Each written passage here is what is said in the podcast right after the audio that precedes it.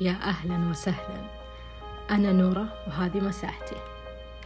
إنزين المساحة بتكون عبارة عن سواليف ونقاشات عن كتاب قرأته بودكاست سمعته فيلم شاهدته اقتباس أي شيء. راح تكون عبارة عن سواليف سواليف سواليف. غالبا يتم تصوير العزلة والانطواء في وسائل الإعلام عندنا على أنها مرض عام أو اكتئاب أو مشكلة صحية. طبعا أنا كنورة أشوف الشيء هذا جدا خطأ. ليه؟ لأن الانطوائي مثل الاجتماعي يا جماعة هي شخصية طبيعية ولها ميزة. أنا عندي فلسفة شخصية أو ربما هي حقيقية نوعا ما. أشوف أن كل إنسان بداخله شخص اجتماعي وانطوائي. بس واحدة منهم تكون أقوى. مثال أنا تصنيفي اجتماعية انطوائية وميل للعزلة. وعندي كنترول وساعات محددة أقدر أكون فيها اجتماعية. عندنا كاتب اسمه ستندل يقول يمكن اكتساب أي شيء في العزلة باستثناء الشخصية. تتوقعون ليه؟ لأن في الحقيقة لا يمكن أن تتعلم وتملك صفات الشخصية الاجتماعية وأنت تعيش في حالة من العزلة. علاقتك مع الآخرين وتجاربك وخبرتك وبعض المهارات أنت تتعلمها من الناس وهي اللي تشكل إنسانيتك. طبعا في العصور الوسطى كانت العزلة عندهم موضوع ضمن سياق ديني. وشلون؟ كانوا يشوفونها فرصة خاصة من أجل التقرب إلى الله. وأما في عصر النهضة طبعا هناك صار تصور واسع بضرورة إنجاز المتعلمين في العزلة.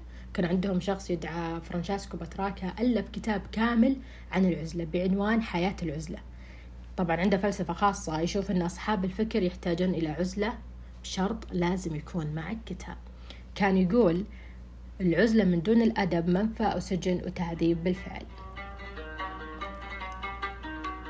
طبعا موضوع العزلة جدا يهمني محمود درويش كان يقول إذا فقدت نفسي فقدت عزلة إذا فقدت عزلتي فقدت نفسي.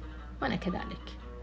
أنا لقيت نفسي في العزلة. عرفت من نورة وش أهدافها وش طموحها وش أفكارها وش تحب وش تكره. هي ممكن تكون تفاصيل جدا صغيرة ولكن أنا أقول إذا الشخص يبي يعرف نفسه وما بداخله فهو بحاجة إلى عزلة وجلوس مع ذاته وتفكر وتفهم. بحاجة إنه يسمع صوته الداخلي. بس انتبهوا. لا تنعزلون. وتفرطون بالعزلة مثل أختكم بالله. برضو نفس الشيء إحنا مختلفين. في أشخاص اللي يقول لك آه، بروح أتروش عشان أصفي ذهني أو اللي يحط السماعات ويمشي في طريق طويل. فالعزلة في أي مكان ما لها يوم معين ما لها ساعات محددة. في شهر في يوم في ساعات في كل شخص مختلف عن الثاني.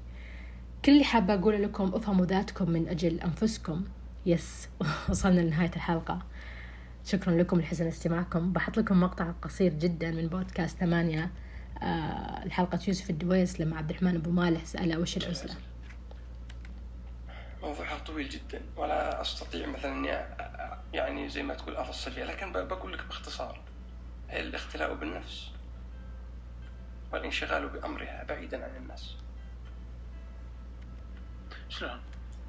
أنت يعني أن يكون أجل وقتك لك لا لغيرك. أن تنشغل فيما هو لك لا لغيرك. أن تكون كل الطاقات التي تمتلكها لك ليست للناس.